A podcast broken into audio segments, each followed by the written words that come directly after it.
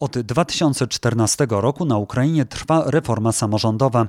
W jej wyniku w zeszłym roku zatwierdzono ostateczny podział najniższych jednostek administracyjnych, czyli gromad. Kolejne etapy jednak idą jak po grudzie. Pojawiają się także problemy w finansowaniu działalności samorządów. W ich rozwiązanie zaangażowane są organizacje międzynarodowe, w tym Polska Fundacja Solidarności Międzynarodowej.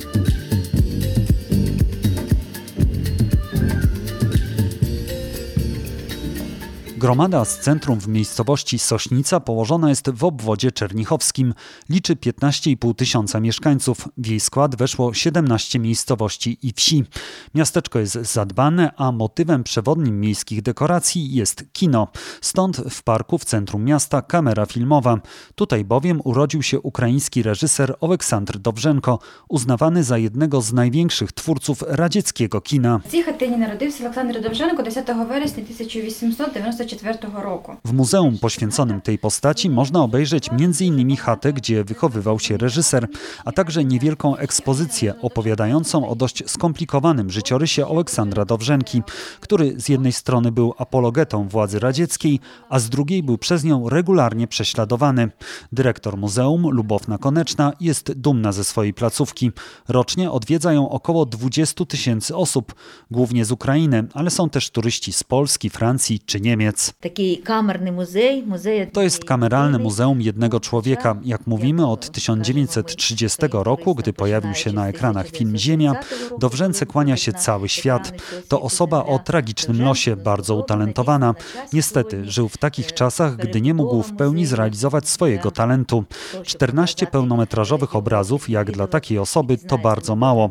Ludziom podoba się to terytorium, te budynki, mała wystawa. Trzeba by je rozbudować, żeby pokazać więcej eksponatów. Mamy też małe kino na 45 miejsc. Na co dzień Sośnica żyje przede wszystkim swoim zwykłym, spokojnym życiem. Miasteczko położone jest z dala od głównych tras, otoczone przez wymierające wsie. To jeden z największych problemów tego regionu. Wiele osób wyjechało do Czernichowa, Kijowa, a czasem nawet za granicę. Tetiana Sira, kierująca Centrum Świadczenia Usług Socjalnych w Sośnicy, podkreśla, że większość mieszkańców to emeryci lub osoby w wieku przedemerytalnym. Największym problemem jest brak pracy.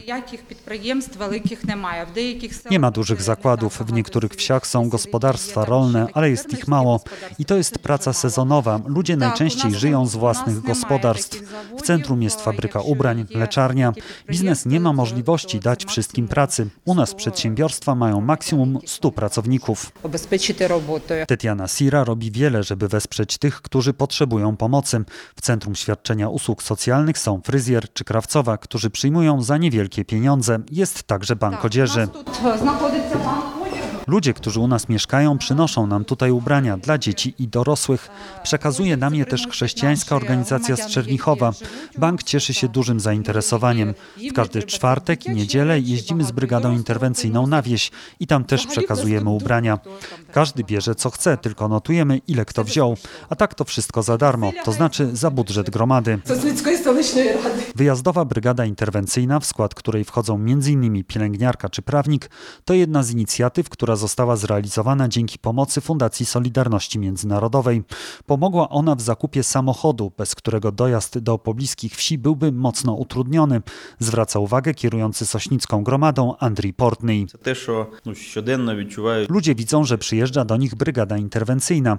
Pewnie nie zastanawiają się, kto za to płaci. Nie myślą o tym, że gromada znalazła partnera, który pomógł zrealizować to zadanie.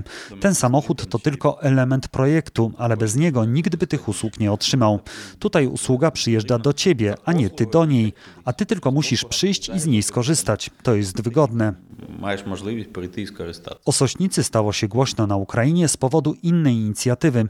W miasteczku pojawiły się ogólnodostępne, bezpłatne rowery w charakterystycznym różowym kolorze. Usługa jest skierowana przede wszystkim do osób spoza Sośnicy, które przyjeżdżają do niej coś załatwić. Taka inicjatywa była i jest unikalna w skali Ukrainy. Stąd do miasta zjeżdżali też dziennikarze z całego kraju, a świeżo upieczeni rowerzyści byli zachwyceni. Wspaniały rower, bardzo wygodny wygodnie, można jeździć, mi się podoba. Biorę taki rower, żeby było wygodnie przemieszczać się po Sośnicy. Wzięłam rower, bo mój się zepsuł, a mąż nie naprawił. Muszę jechać na rynek. Jedzie dobrze, wszystko cudownie. Sekretarz Sośnickiej Rady Wiejskiej Switłana Pastuszenko tłumaczy, że każdy rower ma GPS i na bieżąco można śledzić, czy nie dzieje się z nim nic złego. Rowery socjalne są udostępniane za darmo. Obok każdego parkingu jest rowerowa stacja serwisowa. Z tego korzystają nie tylko rowerzyści, ale też osoby na przykład z wózkami dziecięcymi. Rowery są bardzo popularne. Ludzie z sąsiednich wsi na nie bardzo czekali. Każdy, kto chce, bierze sobie rower. Na parkingach są kamery. Mamy tylko prośbę, żeby odstawić potem rower na miejsce i większość osób to robi. Na marginesie wiele osób jeździ na zachód, widzi jak tam jest i też chcą żyć jak w Europie.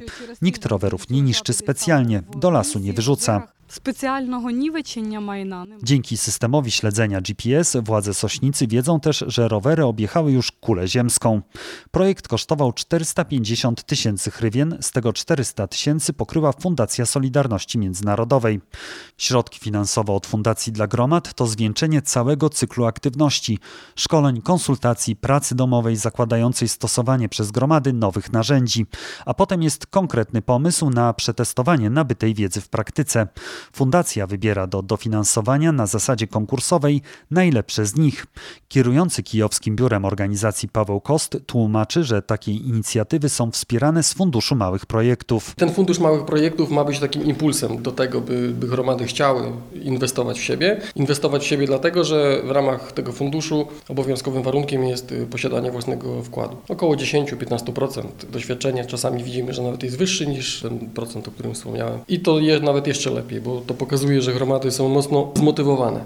Zresztą motywacja dla nas jest takim jednym z kluczowych elementów oceny przy wyborze partnerów. Nie tylko w ramach FNP, w ramach tego Funduszu Małych Projektów, ale też w ramach w ogóle podejmowania współpracy z gromadami, kiedy decydujemy się na współpracę z tymi czy innymi gromadami. Od czego zależy sukces gromady? Czy to jest y, kwestia tego, kto tam rządzi, czy jakie są pieniądze, czy ta gromada jest bogata, biedna? Najważniejszy jest czynnik ludzki, w moim przekonaniu. Zresztą ja też pamiętam z czasów dorastania w latach 90. w Polsce, że u nas było podobnie. Gdy mer, burmistrz był obrotny, miał kupę pomysłów, miał wokół siebie ludzi, na których mógł polegać i którzy mieli też bardzo dużo pomysłów i chciało im się to je realizować, to po pewnym czasie wyniki przychodziły w namacalny sposób, można było ich dotknąć nawet. Tutaj jest podobnie moim zdaniem. Jeżeli są ludzie, którzy potrafią być elastyczni, mieć kreatywni, mają dużo pomysłów i chęć ich realizacji bez względu na, na wszystko, to muszą być tacy, ludzie, których gdy ktoś wyprasza drzwiami, to po prostu pchają się oknami. To dość często jest tak. I ten upór, robienie wniosków na bieżąco, po, non-stop jakby poprawa własnych, własnej działalności, ulepszanie własnej działalności, to też, jest, to też jest jeden z warunków sukcesu. Prędzej czy później one przyjdą. I też pieniądze nie są tu tak naprawdę y, kluczowym elementem w naszej ocenie. Ważniejsze naszym zdaniem jest to, w jaki sposób gromady potrafią wykorzystywać ten potencjał, niezależnie od tego, jaki on jest. Czasami y, w ramach właśnie tego komponentu szkoleniowego nam wychodzi i gromady też same dochodzą do tego wniosku, przecierają oczy ze zdumienia, że przecież to jest takie proste. Dlatego, że y, rozwiązania, które proponują im eksperci, okazuje się, że nie są naprawdę kosztochłonne.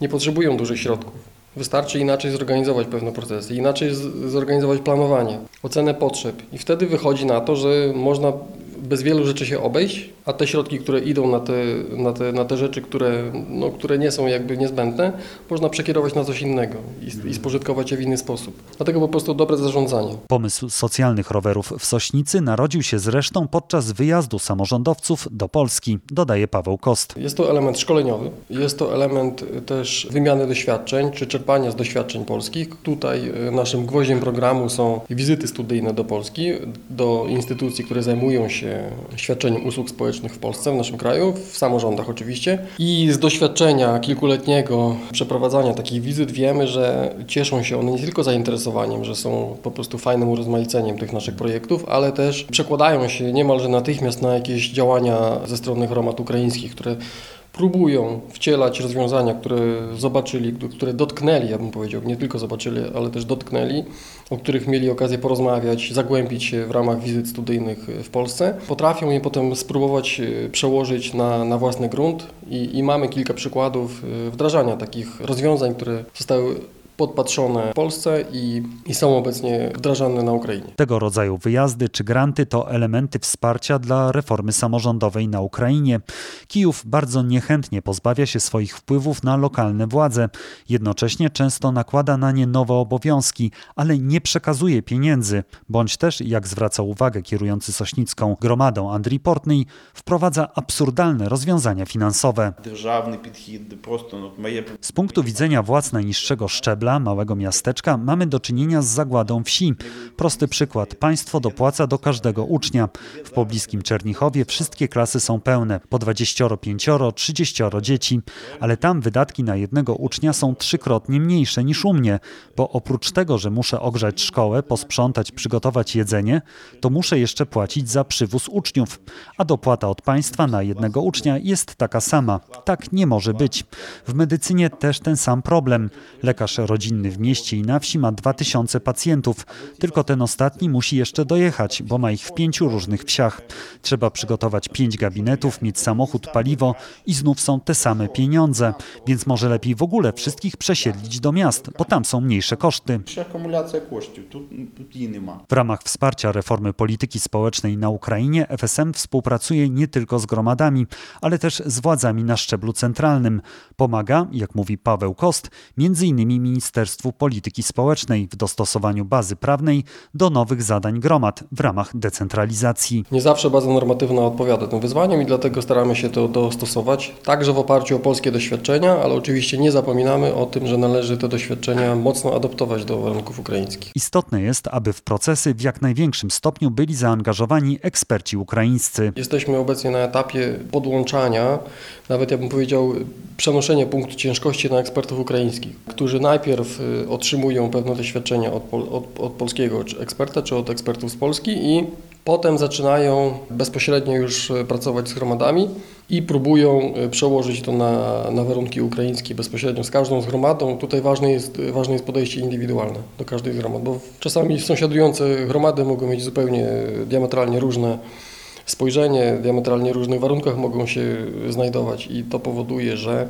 różne muszą być e, rozwiązania zastosowane, żeby były skuteczne.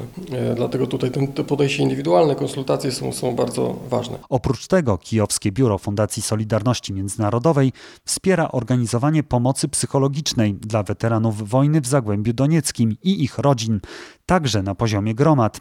W ramach tego projektu polscy psychologowie szkolili ukraińskich ekspertów za środki polskiego MSZ-u i z udziałem Ministerstwa Obrony w trzech szpitalach na Ukrainie. Ci z kolei później pracowali z miejscowymi psychologami. Gromady wielokrotnie w latach ubiegłych nam sygnalizowały, y, że ten problem jest coraz bardziej dotkliwy, że nie mają systemu, który pozwoliłby jakoś wychodzić naprzeciw oczekiwaniom weteranów i ich rodzin, którzy wracają po wojnie i po prostu są pozostawieni zupełnie sami sobie. O ile w dużych miastach to jeszcze nie jest aż tak dotkliwe, bo możliwości są większe, to w gromadach ten problem praktycznie totalnie nie jest rozwiązywany. Zaczęliśmy od pomocy psychologicznej, czyli organizowania jakby samego procesu, tworzenia stanowisk psychologów wyspecjalizowanych też w, właśnie w takiej pomocy, czyli pomocy dla weteranów i ich rodzin. Szkolimy takich psychologów, już zostali nawet zatrudnieni w tych kilku gromadach e, obwodu czernichowskiego, bo to, bo to tam realizujemy. Na razie pilotażowo jeden projekt, ale szybko okazało się też, że żeby to, te działania miały sens, należy podejść znacznie szerzej do tematu i zastanowić się w jaki sposób nie tylko wspierać psychologicznie weteranów, ale też po prostu wspomagać ich, ale też miejscowe społeczności w reintegracji weteranów do tych, do tych społeczności. Dlatego, że, że często słyszymy, że problem nie jest w weteranach i to jest moim zdaniem prawdziwe stwierdzenie, ale po prostu w społeczeństwie, które jest uprzedzone do weteranów, że wete- weteran to problem. Potencjalny I, i, i niestety tak jest i należy tutaj szeroko na to patrzeć, kompleksowo i pracować z różnymi e, odbiorcami, w tym ze społecznościami e, lokalnymi. Organizujemy w ramach tych działań wydarzenia integracyjne, na których te tak zwane lody mogą być e, przełamywane, ale też myślimy w latach kolejnych o rozszerzeniu tutaj tematycznym tego kierunku, który miałyby polegać na przykład na badaniu rynku pracy. Bo nie oszukujmy się, to, to rynek pracy może pociągnąć weteranów do, ku, ku temu, aby, aby się szybko zintegrować na nowo we własne społeczeństwo, wrócić do normalnego, do normalnego życia. FSM zajmuje się też tworzeniem ochotniczych straży pożarnych w gromadach. Ten projekt cieszy się ogromnym zainteresowaniem. Zgłosiło się do niego aż 17% wszystkich gromad, około 250 z całego kraju. Wybrano jedynie 20. Bo można oczywiście wszystko zepchnąć na DSNS, na Państwową Służbę Ukrainy do Spraw Sytuacji Nadzwyczajnych, na Państwową Straż Pożarną, ale takie rozwiązanie na pewno nie będzie skuteczne, dlatego że całego kraju, tym bardziej tak rozległego, z, takim, z taką gęstością zaludnienia nie da się pokryć siecią Państwowych Straży Pożarnych. I to powoduje, że zawsze te straże będą się spóźniały, co ma miejsce obecnie. Do, do pożarów nie, nie będą nadążać, a także do innych y, sytuacji kryzysowych, klęsk żywiołowych. I dlatego doświadczenia europejskie, w tym polskie, a mamy przecież bardzo dobre tradycje ochotniczych straży pożarnych, podejście związane z ochotniczymi strażami pożarnymi jest y, skuteczne. Oczywiście Polska Pomoc już realizuje kilka projektów i realizowała do tej pory z sukcesem. Natomiast my chcemy podejść systemowo i stworzyć z tego duży program, który, który pozwoli mocniej rozwiązać w skali kraju ten problem, to wyzwanie, odpowiedzieć w jakiś sposób na to wyzwanie. Kijowskie biuro FSM wspiera także opracowywanie modelu zarządzania jakością Common Assessment Framework, który ma poprawić jakość usług, za które odpowiadają gromady. Zajmuje się też rozwojem szkolnictwa zawodowego w siedmiu obwodach wraz z partnerami z Niemiec, Finlandii i Estonii. Rynek pracy żyje swoim życiem, a szkoły zawodowe swoim zupełnie i należy podjąć szereg działań dotyczących planowania, y, tworzenia strategii rozwoju y, całego szkolnictwa zawodowego, ale oczywiście należy wziąć pod uwagę tendencje na rynku, prognozę też dotyczącą tego, jakie, jakie zawody będą potrzebne, a jakie nie. I to powinno jedno z drugim współgrać. Panująca od 2020 roku pandemia spowodowała też konieczność prowadzenia działań interwencyjnych, jak na przykład pomoc szpitalom w walce z koronawirusem. FSM współorganizowała dwa konwoje humanitarne dla Ukrainy.